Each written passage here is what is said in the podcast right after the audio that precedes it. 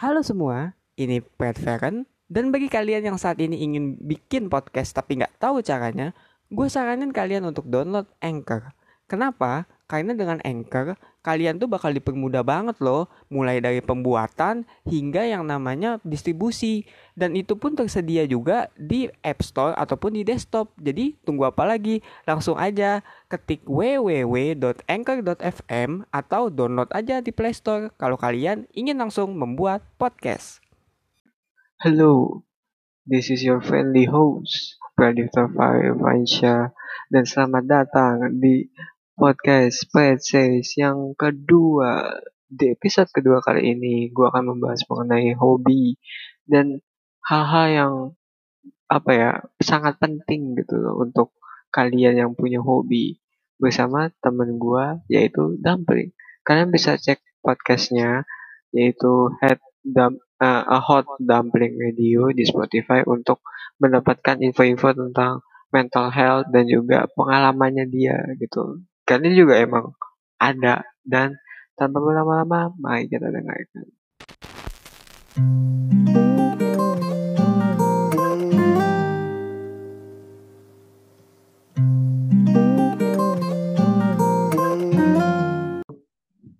Iya, halo. Ya, ternyata emang harus ditumbalin. Jadi kayak satu HP, satu laptop. Mm-mm. Gitu. Oh, dari laptop. Eh, dari PC sih sebenarnya. Ah, Makanya kan suaranya agak lebih echo. Oh iya kayak bener. lebih jelas. Kalau di HP kan agak lebih semblep. Bahasa Iya, ya? iya bahasa gue sendiri. Jadi sebelumnya nih ya, uh, gue opening dulu nih. Halo semuanya. Ini Iya. masih di episode proses yang kedua ya. Meskipun emang hostnya Dumpling untuk saat ini. It's Setelah okay, kemarin, kenapa? It's okay, it's okay. It's okay. Setelah kemarin rekaman hampir satu jam lebih ya. Buset. Pegal-pegal tuh mulut. Berkata lain. Encer ya. Anchor. Iya. Anchor apa Eh, anchor, anchor. Tapi maksudnya anchor berkata lain gitu. Gak kekam. Sial. Ya, ini gue bahas topik yang kemarin lagi nih. Tapi gue, eh, apa ya, gue sedikit ubah deh. Ya, sama kok tapi tentang hobi dan psikologi ya iyalah ulangan. Iya. Jadi lanjut dari yang kemarin nih. Menurut lo nih ya, hobi itu apa sih pengaruhnya gitu terhadap kepribadian orang?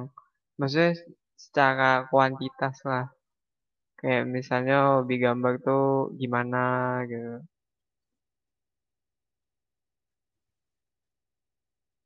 Hmm? Kok diem? Halo? Nah, kok hilang?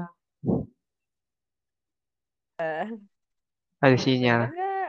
Gak dengar, gak dengar. Tadi gimana, gimana? Enggak, maksudnya gue nanya gitu, kedengeran nggak sekarang? Sekarang udah, udah. Tadi gimana?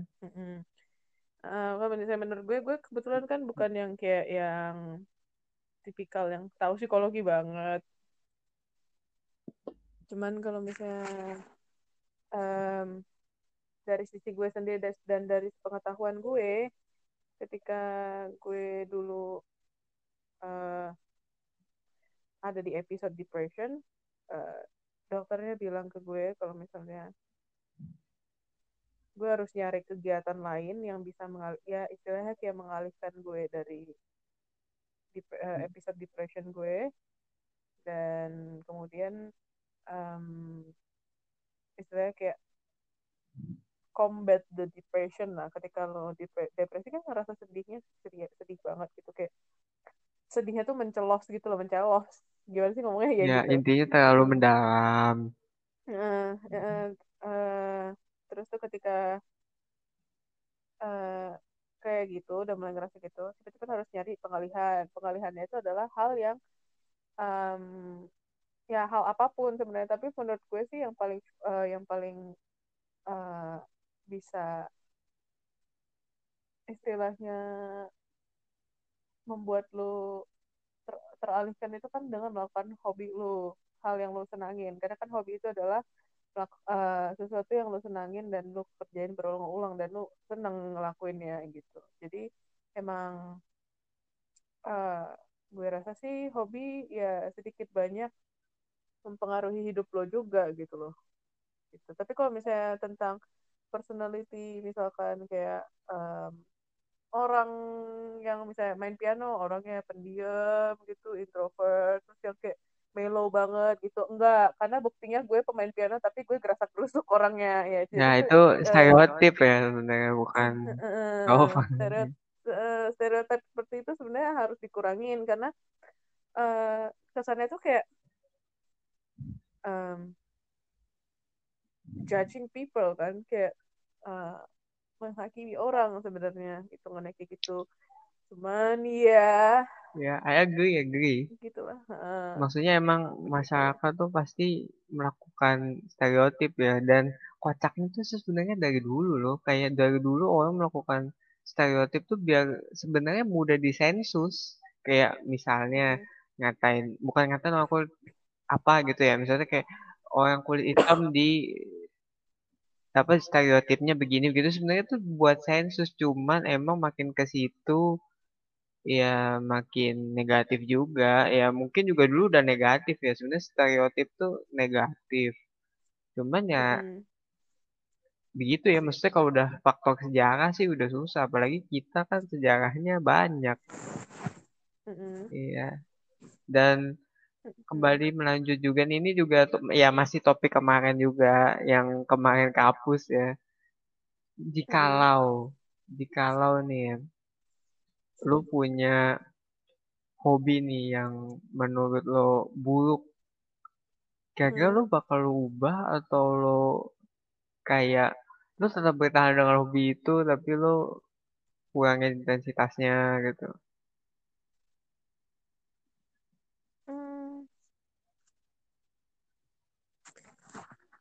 Kan sebenarnya tuh uh, kalau misalnya hobi yang buruk ya orang tuh kalau misalnya ngerjain hobi yang buruk either dia memang nggak sadar itu buruk atau dia sadar itu buruk tapi dia bablas aja gitu nggak ngerasa eh, nggak uh, ngerasa itu sesuatu yang buruk gitu. Uh, tapi kalau misalnya gue uh, mungkin hobi kan itu adalah sesuatu yang lu senengin gitu Nah, itu mungkin mengubahnya agak susah ya, menguranginya agak susah. Tapi kalau misalnya emang udah membahayakan gitu, um, gue rasa sih kalau misalnya lu masih ber, lu masih bisa berpikir secara rasional, ya lu akan mengurangi intensitasnya atau bahkan ya berhenti sama sekali gitu. Misalnya kayak orang hobi hobi minum nih, let's say dia hobi minum miras kayak gitu misalnya. Ada orang kan yang emang kayak lu kalau misalnya um,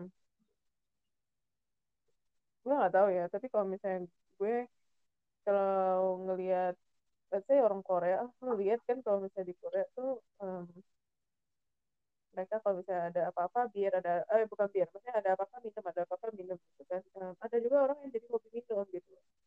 Nah um, kalau misalnya minumnya yang jarang-jarang sih nggak masalah tapi kalau misalnya yang sering ini dan hobinya itu uh, hobi tuh dikategorikan berbahaya itu kalau misalnya membahayakan jiwa diri sendiri dan orang lain kan gitu ya. Nah kalau misalnya kayak gitu sih menurut gue ketika lu masih bisa berpikir secara rasional please berhenti aja atau kurangin lah daripada. Hmm. misalnya menyusahkan orang lain dan menyusahkan menyusahkan diri lu sendiri jadi gak guna sebenarnya gitu. Setuju setuju. Gue juga sebenarnya memang merasa sih ya kadang ada beberapa hobi tuh yang kalau dilanjutkan tuh berbahaya ya. Beda ya kalau hobi yang ekstrim sama berbahaya ya. Kalau ekstrim tuh hmm.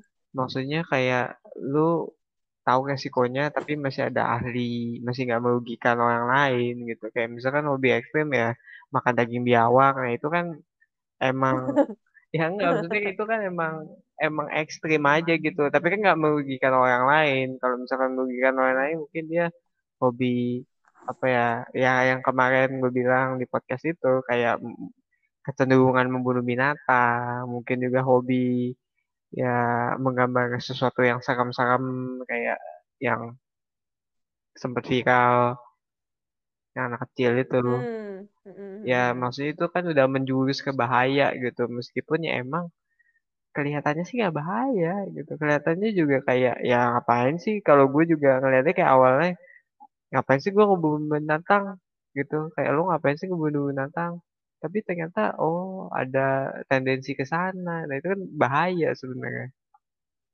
Hmm, hmm. Kalau misalnya kayak gitu sih lebih ke psikologi ya. Kalau misalnya lu jelasin lebih ke mungkin ada eh, ada ada ada ada sebuah gangguan psikologisnya gitu.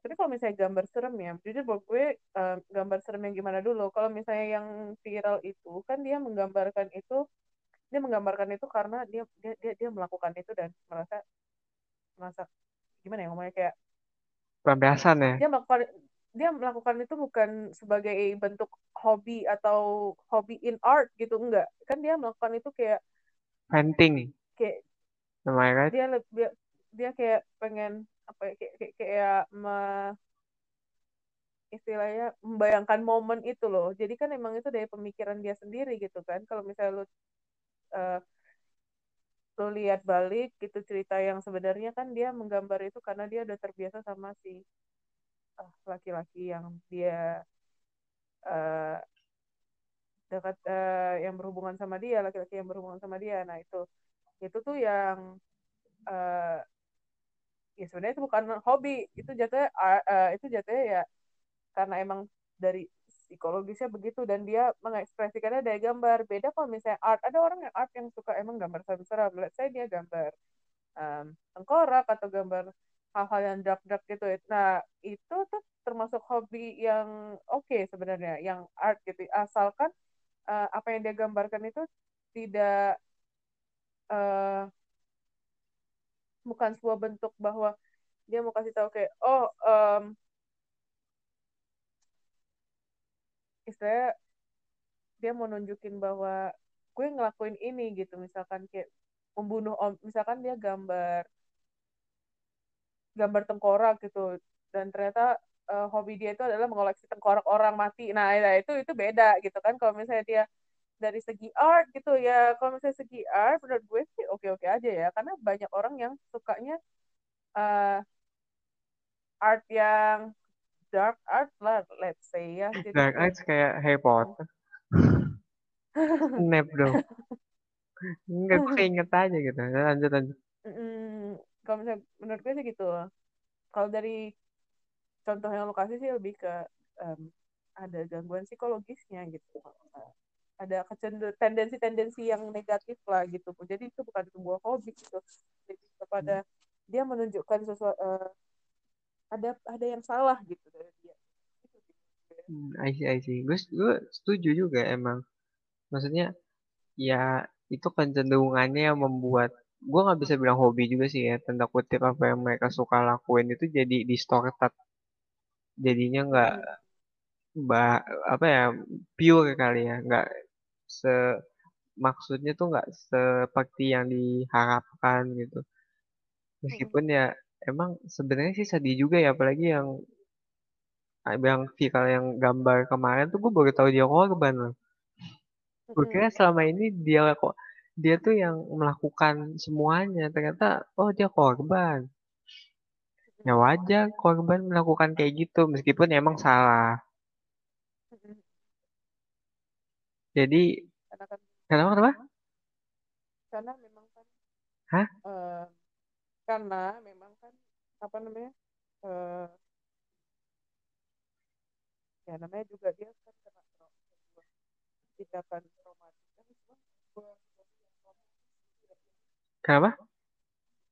Kan dia ini saya kayak em, waktu sebelumnya ini kan dia eh, mengalami sesuatu yang traumatis gitu iya. Dia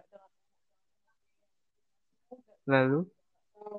Dia juga, dia juga nggak tahu eh, gimana harus hmm, menyikapi traumanya itu mungkin dan dia mungkin dia eh, di yang gue baca sih eh, pada akhirnya dia menyesal kan ya melakukan itu membunuh itu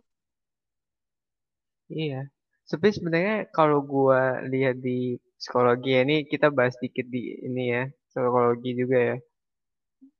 Sebenarnya orang trauma itu tuh gua nggak tahu ya, maksudnya kalau yang traumanya nggak parah-parah amat mungkin nggak kayak gitu. Tapi kalau kayak gitu jatuhnya kayak PTSD gitu loh, kayak yang ya lu udah mengalami suatu kejadian yang traumatis, terus tuh bingung, kayak orang yang ada di saat momen di saat itu atau di momen itu pasti pikirannya ya kalau nggak ya gue terima semuanya udah terjadi gue berusaha hidup normal atau ya gue pengen bales bener gak sih Enggak, kalau misalnya kalau, kalau menurut gue kalau misalnya PTSD itu kan kayak gitu. Hah? PTSD itu nggak kayak gitu. ya emang maksudnya maksudnya menurut gue Eh, PTSD itu kayak gini. PTSD itu adalah eh, keadaan di mana lo mengalami sesuatu yang traumatis. Terus lo jadi kayak living in the nightmare dan nightmare itu adalah kejadian traumatis. Jadi em, lo tidur, terus tiba-tiba lo mimpiin hal yang traumatik itu, atau misalkan ada triggernya, eh, misalkan ada orang dia trauma trauma itu kebakaran nah jadi kalau misalnya dia lihat api dia langsung ketakutan jadi dia kayak pas lihat api itu dia ngelihat eh, kila, eh, kilas balik flashbacknya eh, kejadian trauma traumatis dia itu pas kebakaran. ya lalu Nah, di situ ya ini itu namanya PTSD karena dia kayak terus-terusan hidup di dalam memori itu gitu loh tanpa dia dia nggak pengen gitu. Dia nggak pengen tapi dia terus-terusan terus-terusan hidup di dalam di dalam memori itu. Dia nggak bisa keluar dari memori itu. Iya. Ya Nah, sebenarnya maksud gue kurang kalau lebih sama. Iya terus terus. Kalau misalnya ngebalas itu enggak menurut gue ya bukan enggak eh, ngebalas itu adalah gimana ya? Ada dua tipe orang sebenarnya dari yang gue temuin Eh, Hmm. tipenya yang satu ya udah dia membiarkan ya udahlah. Ada juga tipe orang yang kayak gue mau orang lain merasakan sakit yang sama dengan gue. Karena kalau misalnya orang lain merasakan sakit yang sama sama gue artinya nggak adil jadi gue pengen orang lain merasakan yang sama nah itu itu, itu yang agak berbahaya sih gitu. Ya. Nggak, kenapa nggak lanjut lanjut. Tadi gimana? Sampai mana? Ini sinyalnya nggak ada-ada. Jadi kayak gue ya dengerin juga tapi gak agak naik turun. Ya udah selesai sih sebenarnya gue ngomong ya. Ya gue gak begitu denger ya mbak. Yang di ya penting-penting aja intinya coba dirangkum mumpung in- sinyalnya bagus. Adalah em, ada dua ada dua tipe orang di mana satu yang bisa legowo gitu loh, menerima bukan legowo sih lebih kayak menerima ya udah ini emang iya. kejadiannya di gue dan kejadiannya di gue. Gimana gimana? gue apa? Gimana tadi? Lu kan ada dua tipe. Iya tipe yang pertama adalah eh, dia pengen memutus rantai itu. Cukup sampai gue aja orang lain gak usah jangan. Tapi ada juga tipe yang gue gak mau orang lain bahagia kalau misalnya gue perasaan yang sama merasakan eh, Mm-mm. rasa sakit yang sama dengan gue nah itu yang perlu di- hati-hati orang yang seperti itu sebenarnya pendendam gitulah ya Mm-mm. Iya, Eh, ini udahan kan? Maksudnya eh, penjelasan lo ini kembali ya sinyal. Halo? udah kok udah Oh, udah. Iya nggak, maksudnya penjelasannya juga gue ngerti gitu. Yang satu kan kayaknya lebih ke yang menerima, yang satu tuh mungkin lebih kayak dia tuh nggak tahu mau ngapain ya. Jadinya dia cuma di otaknya mungkin ya secara nggak langsung pengen melawan kali ya, melawan traumanya gitu. Cuman emang ya ada yang caranya bagus, ya yang tadi gue bilang kayak menerima gitu terus normal emang lama gitu. Terus yang kedua ya mungkin dia emang pengen menyakiti gitu pengen maksudnya pengen menyakiti itu bukan berarti pengen ngebalas secara langsung karena mungkin ya kalau udah langsung anggotanya ya ya maksudnya ya karena kalau itu anggota teroris atau apa gitu orangnya udah ketangkep udah apa cuman dia pengen membalas perasaan yang ada di situ gitu ya. Mungkin dengan cara yang salah gue dapet ini dari film Jepang Mm-mm.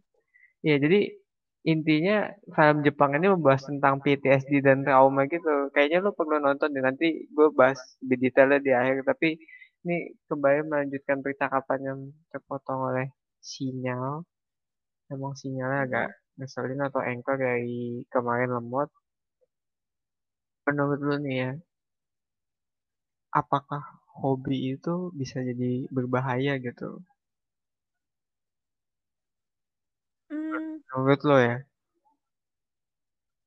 tergantung ya kalau misalnya em, hobinya membuat dia lupa akan kehidupan nyata dia ya eh, of course itu bisa dibilang ya sesuatu yang berbahaya gitu ya hmm, dan juga kalau misalnya dia go extreme with that with that hobby gitu loh. Misalkan dia jadi ngabisin duit tanpa tan apa ngabisin duit sembarangan gitu. Dia jadi nggak bisa manage diri dengan baik gitu. Dia nggak bisa mem, istilahnya dia nggak bisa memberikan board boundaries memberikan batasan antara kehidupan nyata dia dengan hobi dia. Nah itu itu, itu agak itu agak riskan ya sebenarnya. Karena ya ya istilahnya segala sesuatu yang berlebihan itu kan nggak baik gitu. Betul. Memang sudah diajarkan dari generasi yang dulu hingga sekarang. makanya Iya. Tapi ya gitu kadang suka lupa diri manusia. Nah. Gue mau tanya juga nih. Kan di luar sana ya kayaknya banyak banget tuh ap- apa ya artikel ataupun eh, apa sih bacaan-bacaan kayak pengaruh hobi terhadap ini. Terus kayak kenapa orang wajib punya hobi atau mungkin apalah. Menurut lo ya, apakah itu 100% benar atau emang kayak ya cuman clickbait aja gitu. Maksudnya kayak apakah dampak hobi itu seber apa ya bukan seberbahaya, seberpengaruh itu gitu. Selain yang Kalau kayak misalnya, biar hidup gak kosong. Hmm. Kalau misalnya dari gue sendiri ya, jujur kalau misalnya gue sih mikirnya kayak hobi kan melengkapi hidup lo. Jadi nggak bukan sesuatu yang wajib sebenarnya untuk lo punya hobi. Dan orang pun hobi itu kan merupakan eksplorasi. Lo ketemu satu satu kegiatan dan lo ngerasa wow gue ngerasa senang banget nih karena hobi ini gitu. Eh karena kegiatan ini dan lo akhirnya mulai rutin melakukan hobi itu, eh rutin melakukan kegiatan itu dan kemudian itu disebut hobi gitu kan. Betul. Nah, um, jadi menurut gue sih ya nggak masalah lo punya hobi karena kan intinya hidup ini tentang eksplorasi ya. Ya tapi yang pasti eksplorasinya tentu tentang hal-hal yang baik gitu. Uh, jadi gue nggak bisa bilang nggak uh, punya hobi itu jelek, nggak punya hobi itu nggak bagus gitu. Uh, gue jujur belum pernah ketemu orang yang nggak punya hobi. Mungkin mungkin gue mungkin main mainnya nggak kurang jauh kali ya jadi gak, belum ketemu orang seperti itu tapi so far ya gue mikirnya kalau misalnya kita di, diwajibkan punya hobi antaranya jadi template gitu loh. Kayak misalkan lo ngisi biodata di sekolah uh, hobinya apa? Membaca mendengarkan lagu nonton TV tidur makan minum. Nah kayak gitu kan jadi ya kan kayak apa sih gitu kan esensi hobinya tuh jadi lari gitu loh. Sedangkan hobi itu adalah sesuatu yang bisa dibilang sesuatu yang unik yang lo lakukan. Mungkin buat orang lain adalah hal yang biasa, tapi buat lo adalah sesuatu yang unik yang bisa menghasilkan sesuatu yang unik pula gitu dengan melakukan hobi itu. Gitu hmm. sih menurut gue. Setuju, setuju dengan pendapat lo. Maksudnya juga kalau hobi template tuh kan semua orang juga melakukan ya kayak membaca, menulis, bernafas, apalagi ngedepin mata ya itu emang hobi-hobi template gitu cuma kan Mm. hobi itu kayak ciri khas lah ya hobi itu yang membuat manusia menjadi otentik betul gak sih Mm-mm. Mm-mm. kayak Benar. tiap orang itu mungkin pengalamannya bisa aja sama ya kan? Mungkin dia diputusin tapi caranya beda gitu. Tapi kan kalau hobi tuh nggak mungkin semua sama. Nggak ada kan orang yang ngupil bervariasi gitu. Misalkan ada orang Mm. ngupil yang tang tangannya pakai tangan kiri. Nggak mungkin kan orang ngupil tangan kiri semua. Pasti ada yang tangan kanan ada yang ngupil sembari beol ya. Maksudnya kayak gitu Ya Mm. maksudnya hobi itu adalah penanda bahwa manusia itu berbeda. Mm-mm. Tapi Mm-mm. emang sekarang ya, gua akui sih banyak sih orang yang memaksakan punya hobi. Kayak apalagi Iya. kayak Mm-mm. baru ngeliat idolanya melakukan hobi tertentu, ah, gue mau ikutan, gue pengen banget nih yang namanya hobinya kayak gini, gue pengen di notice gitu. Menurut lo apa ya? Apakah orang seperti itu tuh sangat-sangat berbahaya? Bukan berbahaya, maksudnya eh, orang-orang seperti itu tuh kayaknya terlalu mangak sendiri atau emang mewajarkan aja sih? Kayak ya udahlah gitu, sama nggak apa namanya merusak lingkungan ya nggak apa-apa. Tapi kayak aneh aja gitu menurut lo. Bagaimana sih pandangan lo tentang orang seperti itu? Jujur kalau misalnya menurut gue sih gak masalah dia mau ikut eh, hobi idolanya. Eh, mungkin dengan dia mengikuti itu dia menemukan kayak wow ternyata gue punya passion di sini gitu punya punya passion and and uh, and the field gitu tapi ada kalanya kalau misalnya lo terlalu memaksakan hobi lo ya hasilnya jelek dan itu ketahuan gitu loh kalau kalau misalnya hobi lo itu bukan sesuatu yang dari hati lo sendiri ya pasti kelihatan lah bedanya gitu loh ya lo misalnya pada akhirnya itu kalau misalnya lo hobinya dipaksa pada akhirnya lo akan bosan dengan kegiatan itu bener gak sih nah, Betul. Kayak jadinya kayak gitu flat banget ah, gitu loh. Tapi kalau misalnya speaking about ya, passion ya, ya. ya Oh iya ya lanjut lanjut. Itu udah kelar, Iya, maksud lanjut. gue, maksud gue kalau misalnya kayak gitu ya, ya, ya, ya, it's time for you to realize that uh, that's not your hobby and stop um stop living uh like other people gitu kayak istilahnya itu ya jadi jatuhnya tuh kayak membohongi diri sendiri kalau misalnya lo kayak gitu mah Betul. lo I, udah I tahu itu lo. Lo nggak- karena. Jatuhnya lu kayak memaksakan jadi orang lain gitu. Heeh, Tapi jadi lo ah, jati lanjut lanjut. hilang gitu. jati diri lo hilang jadi gue Hmm. gitu ya. terlalu memaksakan diri lo sampai kayak ya, ya itulah istilahnya kayak jadi jelek juga ujung-ujungnya kalau misalnya begitu Ya, emang hal yang dipaksakan tuh selalu nggak baik kan dalam cinta, apalagi dalam hobi. Kebalik. Tapi maksudnya kan tadi lo berbicara tentang passion nih. Menurut lo passion itu sama nggak sih dengan hobi? Menurut lo ya, Um, kalau hobi menurut gue ho- sama soalnya. hobi itu adalah sebuah kegemaran ya kan Uh, when you do your hobby um, intensely and you feel you love that the activity ya it, it becomes passion karena ketika lu lu sangat-sangat mencintai hobi lu ya it becomes your passion in life gitu. itu, itu menjadi kayak sebuah pembakar semangat lo di dalam hidup gitu kan. Dan ketika lo ngerjain itu kayak wow gue senang banget. Gue awalnya misalnya istilah gini awalnya gue hobinya uh, gue contoh ya hobinya gue ngotak ngatik laptop gue uh, misalkan hobi gue adalah um, ngulik-ngulik software musik gitu dan uh, ketika gue ngelakuin uh, hobi gue ngulik-ngulik musik terus uh, beda-beda musik gue senang nah dari senang ini gue kemudian mungkin dapetin uh, kerjaan uh, kerjaan uh, misalnya sound engineer gitu.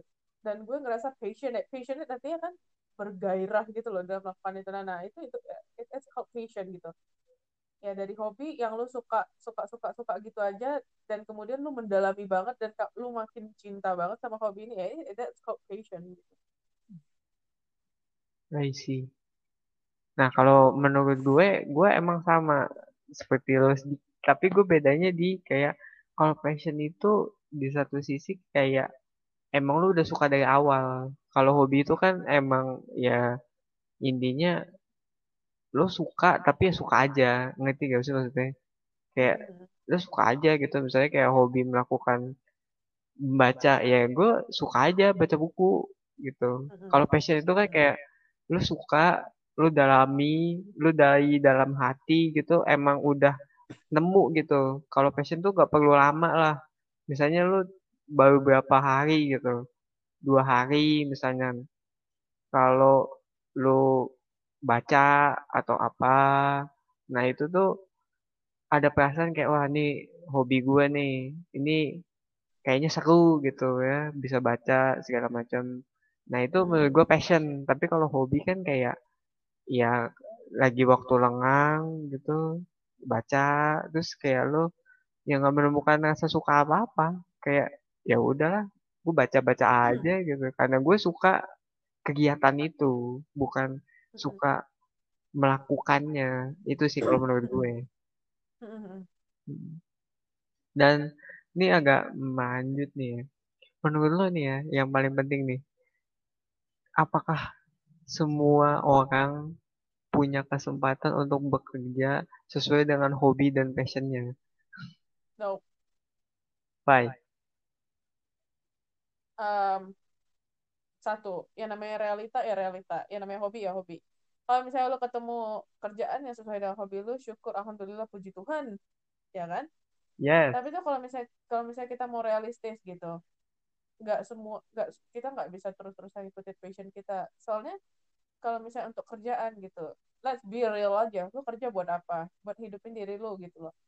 Um, dan mungkin keluarga-keluarga lo uh, dan keluarga lo gitu. Ada beberapa hobi yang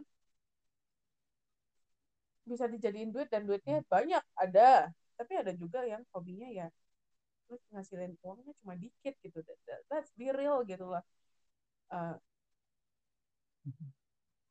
ya Agree, agree. istilahnya kayak Hmm. istilahnya kayak ya Eh, tapi maaf nih, hobi agak motong. benar tapi Oke. uh, lo punya hobi eh, kayak ben- uh, istilahnya lo punya hobi ben, uh, lo punya hobi bagus cuman ya Ya. balik lagi lo harus tahu realita lo di mana Ya, ya, enggak. Tadi gue minta maaf agak motong. Gue tuh tadi bertanya gitu, kayak berarti kalau menurut lo gitu ya, eh, hobi dan passion ini, ya ibaratnya untung-untungan lah orang yang bisa kerja dengan hobi dan passionnya, berarti sebenarnya passion itu nggak penting ya? Apakah penting? Karena kan kalau kita realistis ya, pasti kan kita ya carinya ya uang-uang-uang dong. Nggak mungkin kayak ya gue tetap mempertahankan idealisme gue gitu. Cari uang tapi passion kan kayaknya itu nggak bakal mungkin ya. Kecuali emang lo sering ke gereja atau mungkin zikir 70 hari 70 malam gitu. Nah, nih uh, uh, ya yang apakah menurut lo itu tadi?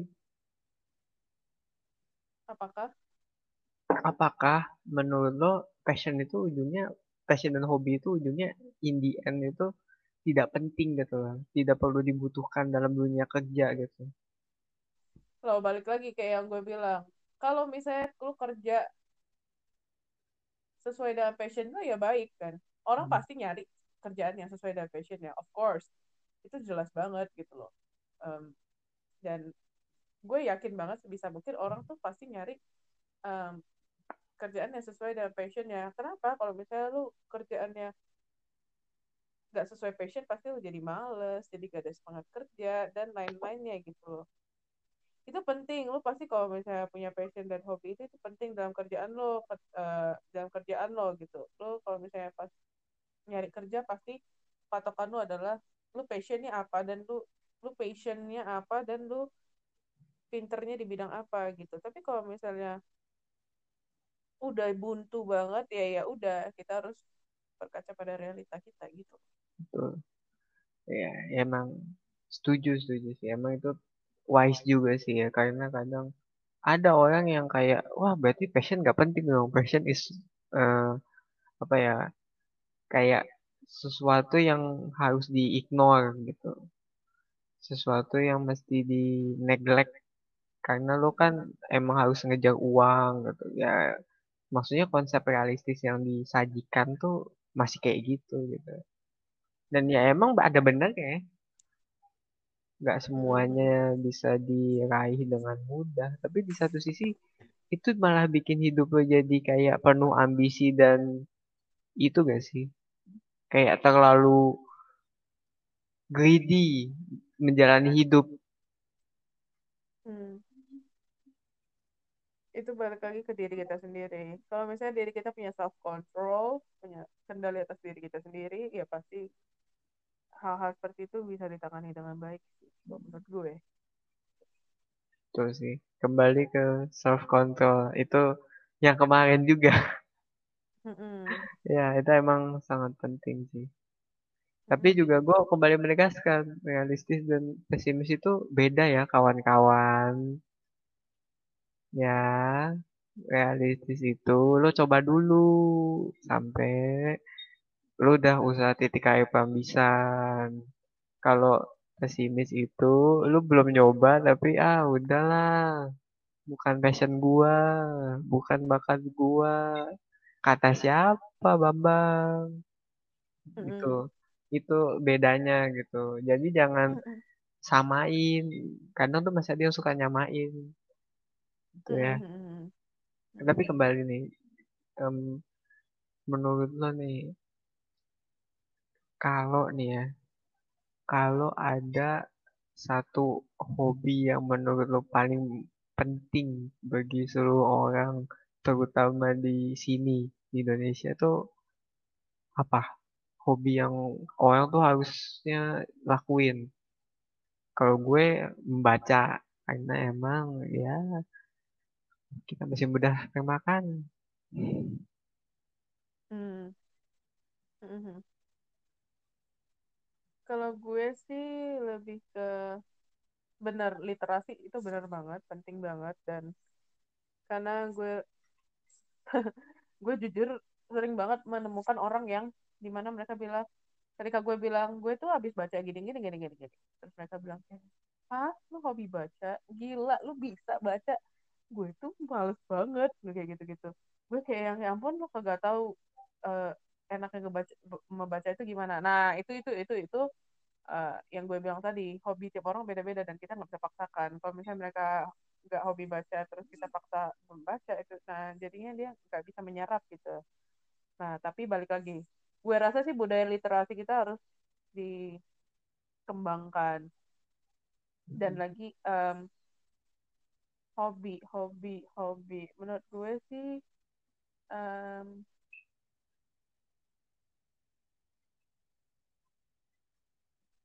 selama hobinya itu bisa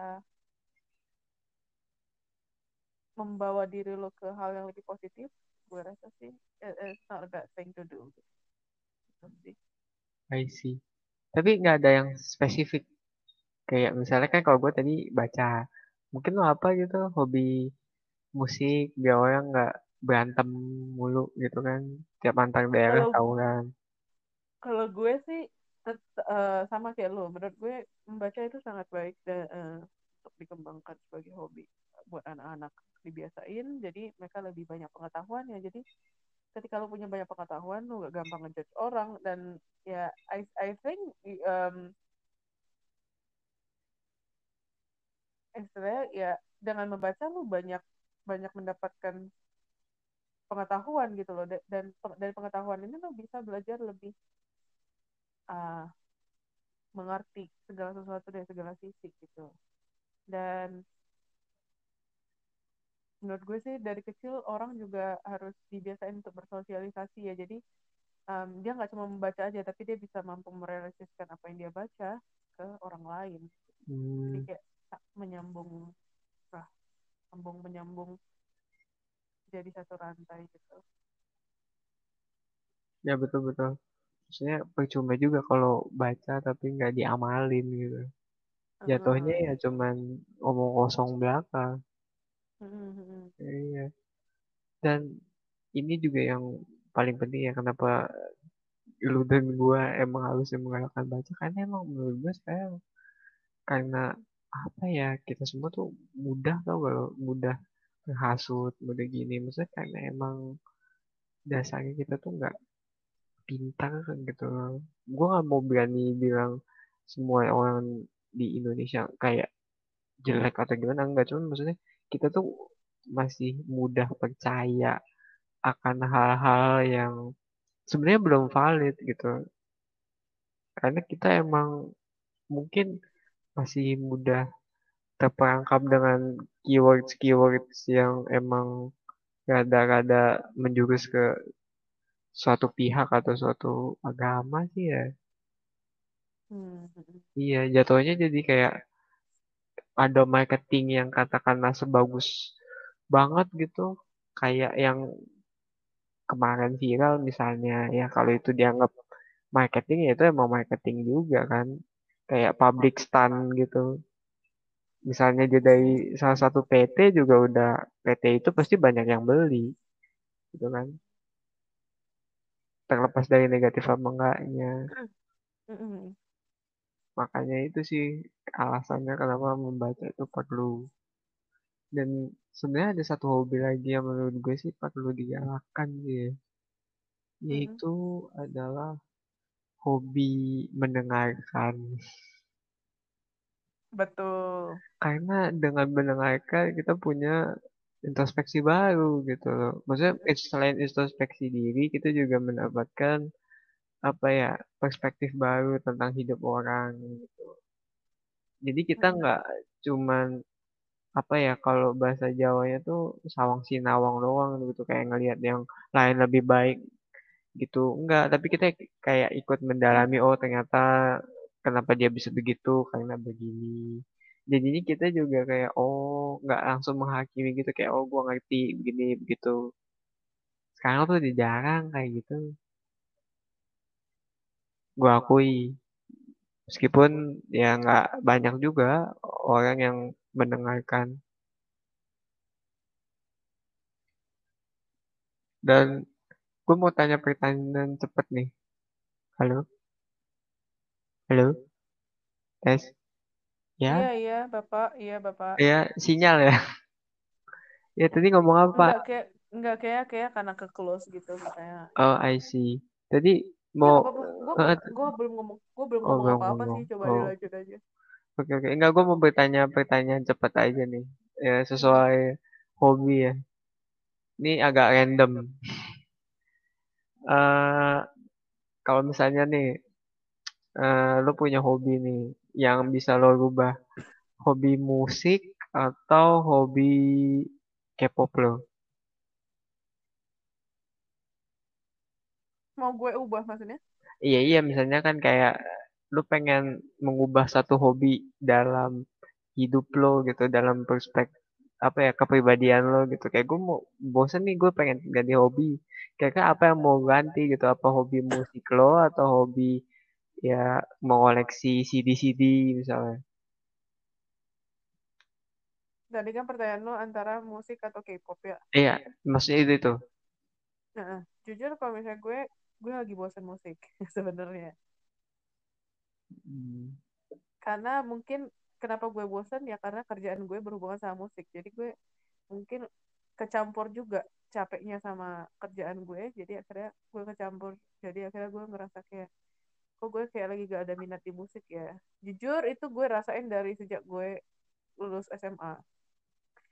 Jadi kayak everything is overwhelming about music. Itu kayak terlalu ah gila terlalu nyapekin banget gue mikirnya gitu. Kayak gue tuh capek musik-musik mulu musik-musik mulu gitu. Nah itu um, mungkin kalau misalnya pertanyaan lo kayak gitu ya untuk saat ini musik. Cuma um, honestly gue nggak bisa lepasin dua-duanya gitu. Tapi mungkin hmm, untuk rubah sementara ya musik tapi all in all gue akan kembali berlabuh ke musik sih sebenarnya pastinya karena ya emang jujur bakat gue adalah di situ gitu. Oke, ini dan yang dan ah, gue ah, gue lanjut. juga su- gue karena gue juga suka K-pop itu karena musiknya bukan karena orang-orangnya ya orang-orangnya istilahnya kayak bonus lah kalau misalnya gue sih lebih lihat K-pop itu dari segi musiknya musiknya enak atau enggak atau gimana ya itu kan balik lagi karena hobi gue terhadap musik jadinya gue notice K-pop itu secara musically gitu not not not from their appearance only gitu Iya, ini yang kedua nih.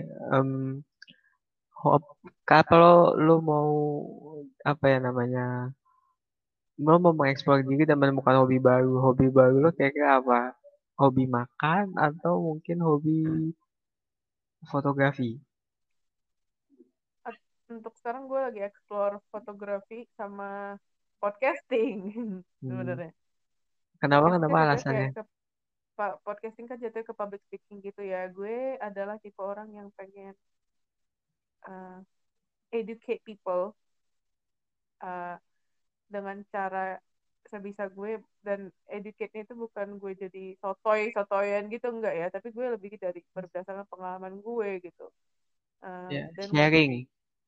uh, dan gue tuh emang suka sharing orangnya. Uh, dan gue senang dengerin cerita orang gitu. Cuma mungkin kan dari podcast kan uh, lu nggak bisa dengar cerita orang tapi dengan lu share your podcast dan orang dengar dan kemudian orang uh, ngerasa kayak oh ya gue relate sama cerita ini. Dan jujur kan gue karena ngepostnya dari gue uh, publish uh, podcast gue gue share podcast gue itu ke uh, app anon dan mereka um, mostly itu selalu ngasih tanggapan yang istilahnya uh, gue tuh bahkan dapat teman gue itu bahkan dapat teman dari app anon itu karena gue sharing soal uh, pengalaman gue tentang caregiver dan care receiver itu. Dan dia mulai cerita bahwa dia adalah caregiver dan segala macam dan itu juga menurut gue salah satu istilahnya sesuatu yang positif buat gue karena uh, dengan gue tahu uh, dengan gue podcasting gue tahu oh ada orang yang dengar cerita gue dan gue ngerasa gue nggak sendiri. Uh, dengan apa uh, istilahnya gue ngerasa apa yang gue alamin sama itu uh, selama ini tuh gue nggak sendirian gitu dalam mengalaminya. And there are a lot of people uh, who can relate with this um, story gitu. And I want people to also realize mereka nggak sendirian di dunia ini untuk mengalami hal-hal yang berat misalnya gitu kan. Karena basically um, podcast gue tentang mental health awareness gitu. Atau tentang hal-hal yang lebih ke psikologi walaupun gue bukan orang yang ahli di psikologi tapi dengan cerita-cerita pengalaman-pengalaman seperti itu orang relate dan mereka pasti ngerasa ya udah nggak uh, di dunia ini mereka nggak sendirian gitu. Dan kalau misalnya fotografi sih um, itu karena emang hmm, kalau misalnya gue pernah ngambil tes uh, tes tentang kelebihan gitu kelebihan atau kayak strength kekuatan lo ya kekuatan gue adalah di uh, appreciating beautiful things. Um, jadi istilahnya gue sangat sangat bisa mengapresiasi hal-hal yang indah yang mungkin menurut orang ya biasa aja gitu. Tapi menurut gue gue bisa meng, me, meng, kayak bisa mengagumi keindahannya itu nah gue pengen mengabadikan keindahan-keindahan itu ya dari fotografi ini hmm. Oh. Itu alasan yang compelling juga sih untuk dua apa hobi yang lo pilih tadi. Mm-hmm. Nah, ini ada lagi nih pertanyaannya. Mm. Uh, menurut lo hobi apa yang meskipun wajar tapi lu nggak bisa toleran gitu. Kayak lu agak cringe kelihatnya hobi mobil atau hobi makan tapi belepotan. Gimana gimana? Hobi yang cringe? Hobi yang cringe tapi lu nggak bisa tolerir gitu. Maksudnya kayak hobinya tuh wajar. Cuman kayak agak cringe dan kayak lu nggak bisa mentolerir aja gitu. Kayak gue nggak bisa menerima itu ketika lo ngeliat itu di depan mata gitu. Entah ya dia sengaja atau emang gimana gitu ya.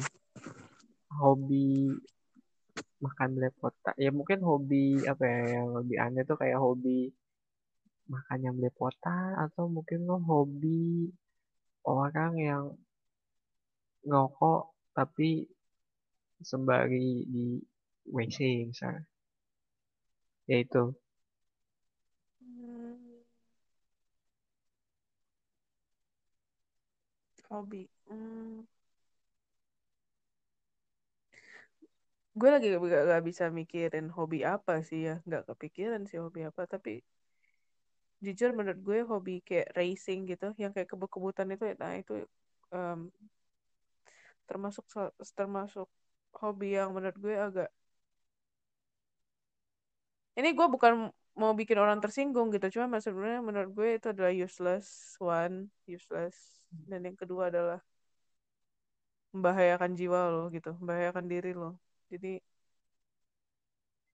gue emang rada-rada nggak terlalu respect sama orang-orang yang racing di jalanan gitu ya. Kalau racing di jalanan gitu tahu kan yang kayak track-trackan yeah, gitu I know di jalan nah, racing itu, itu, you don't need itu, to itu, itu, explain uh, it again. uh, uh, uh, itu kayak eh apa sih? Kayak gitu kayak esensi lu apa? Begitu tapi kalau misalnya kayak orang yang misalnya racingnya mungkin di arena balap gitu ya I think it's better tapi ya tetap aja membahayakan jiwa lo gitu membahayakan diri lo gitu. Racing di mobil juga sama aja ya kan? Yes. tetap membahayakan diri lo ke, ke keselamatan diri lo gitu. Itu sih. Hmm. so far yang gue ini. Dan ini yang terakhir nih. Mm-hmm. kalau suatu saat dulu punya anak dan anak lo itu katakanlah dia punya suatu hobi lo pengen dia hobi apa? Hobi yang kayak sama kayak lo ya musik atau mungkin hobi yang dia suka sendiri? Gue agak membatasi hobi dia selama hobi dia itu adalah hobi yang positif tapi pastinya sih mungkin ya namanya orang tua punya ekspektasi ya ke anaknya tapi bagi gue adalah gue mengarahkan sebisa mungkin uh, mungkin ke, ke arah di mana dia suka musik gitu uh, apa gue akan mengarahkan dia ke hobi membaca, hobi musik gitu. Karena kan sebenarnya balik lagi, hobi itu adalah sesuatu yang lo pupuk sebenarnya dari kecil. Hmm. Uh, atau mungkin uh, ya istilahnya gak, gak harus dari kecil ya hobinya itu hobi yang lo pupuk gitu tapi kalau misalnya soal membaca musik kayak gitu itu kan orang pada akhirnya akan menghargai hal-hal itu karena dia udah terbiasa dari kecil melihat hal itu gitu. Jadi kalau misalnya gue sih jujur lebih ke gue akan fokusin anak gue mungkin ke art atau enggak ke sesuatu yang berbasis education misalnya kayak baca nulis gitu. Gitu sih. Kalau misalnya di art mungkin kayak menggambar melukis main musik kayak gitu. Itu sih gue sih gitu. I see I see ya mm. menarik lah ya topik malam ini. Dan mm emang udah lebih dari 10 menit. Ya udahlah nggak apa-apa. Terima kasih atas waktunya dia atau the dumpling. Sorry. Sorry. Yes. Ya. Yeah. it's okay. Uh, maaf juga karena engkang dari kemarin eh kok kayak capek-capek ngekam untung aja ulangannya hmm. masih bagus uh, sampai jumpa ya di episode proses berikutnya dan semoga kita masih bisa berkolaborasi lagi ya dumpling ya jangan ragu-ragu yes. kalau mm -mm. mau butuh temen collab ya mm -mm. segitu aja dulu untuk malam ini selamat malam semuanya bye bye mm bye. Semuanya, halo semuanya. Ya maaf tadi agak delay ya. Kembali lagi bersama saya Fadil Fansha untuk sebuah rekomendasi singkat aja sih setelah apa namanya sesi yang tadi dilakukan bareng gue dengan Jian yang membahas tentang hobi ya. Gue kan tadi ada rekomendasi, rekomendasi film tuh. Nah, gue mau merekomendasikan sebuah film yang gue bilang tadi yaitu RWK ini adalah film Jepang tahun 2002 ya emang film lama dari Shinji Aoyama dan ini adalah film yang menurut gue wajib tonton banget sih. Karena ceritanya tuh bener-bener penuh dengan psikologi ya. Maksudnya dia tuh yang bikin mikir dan juga bikin iba gitu di satu sisi.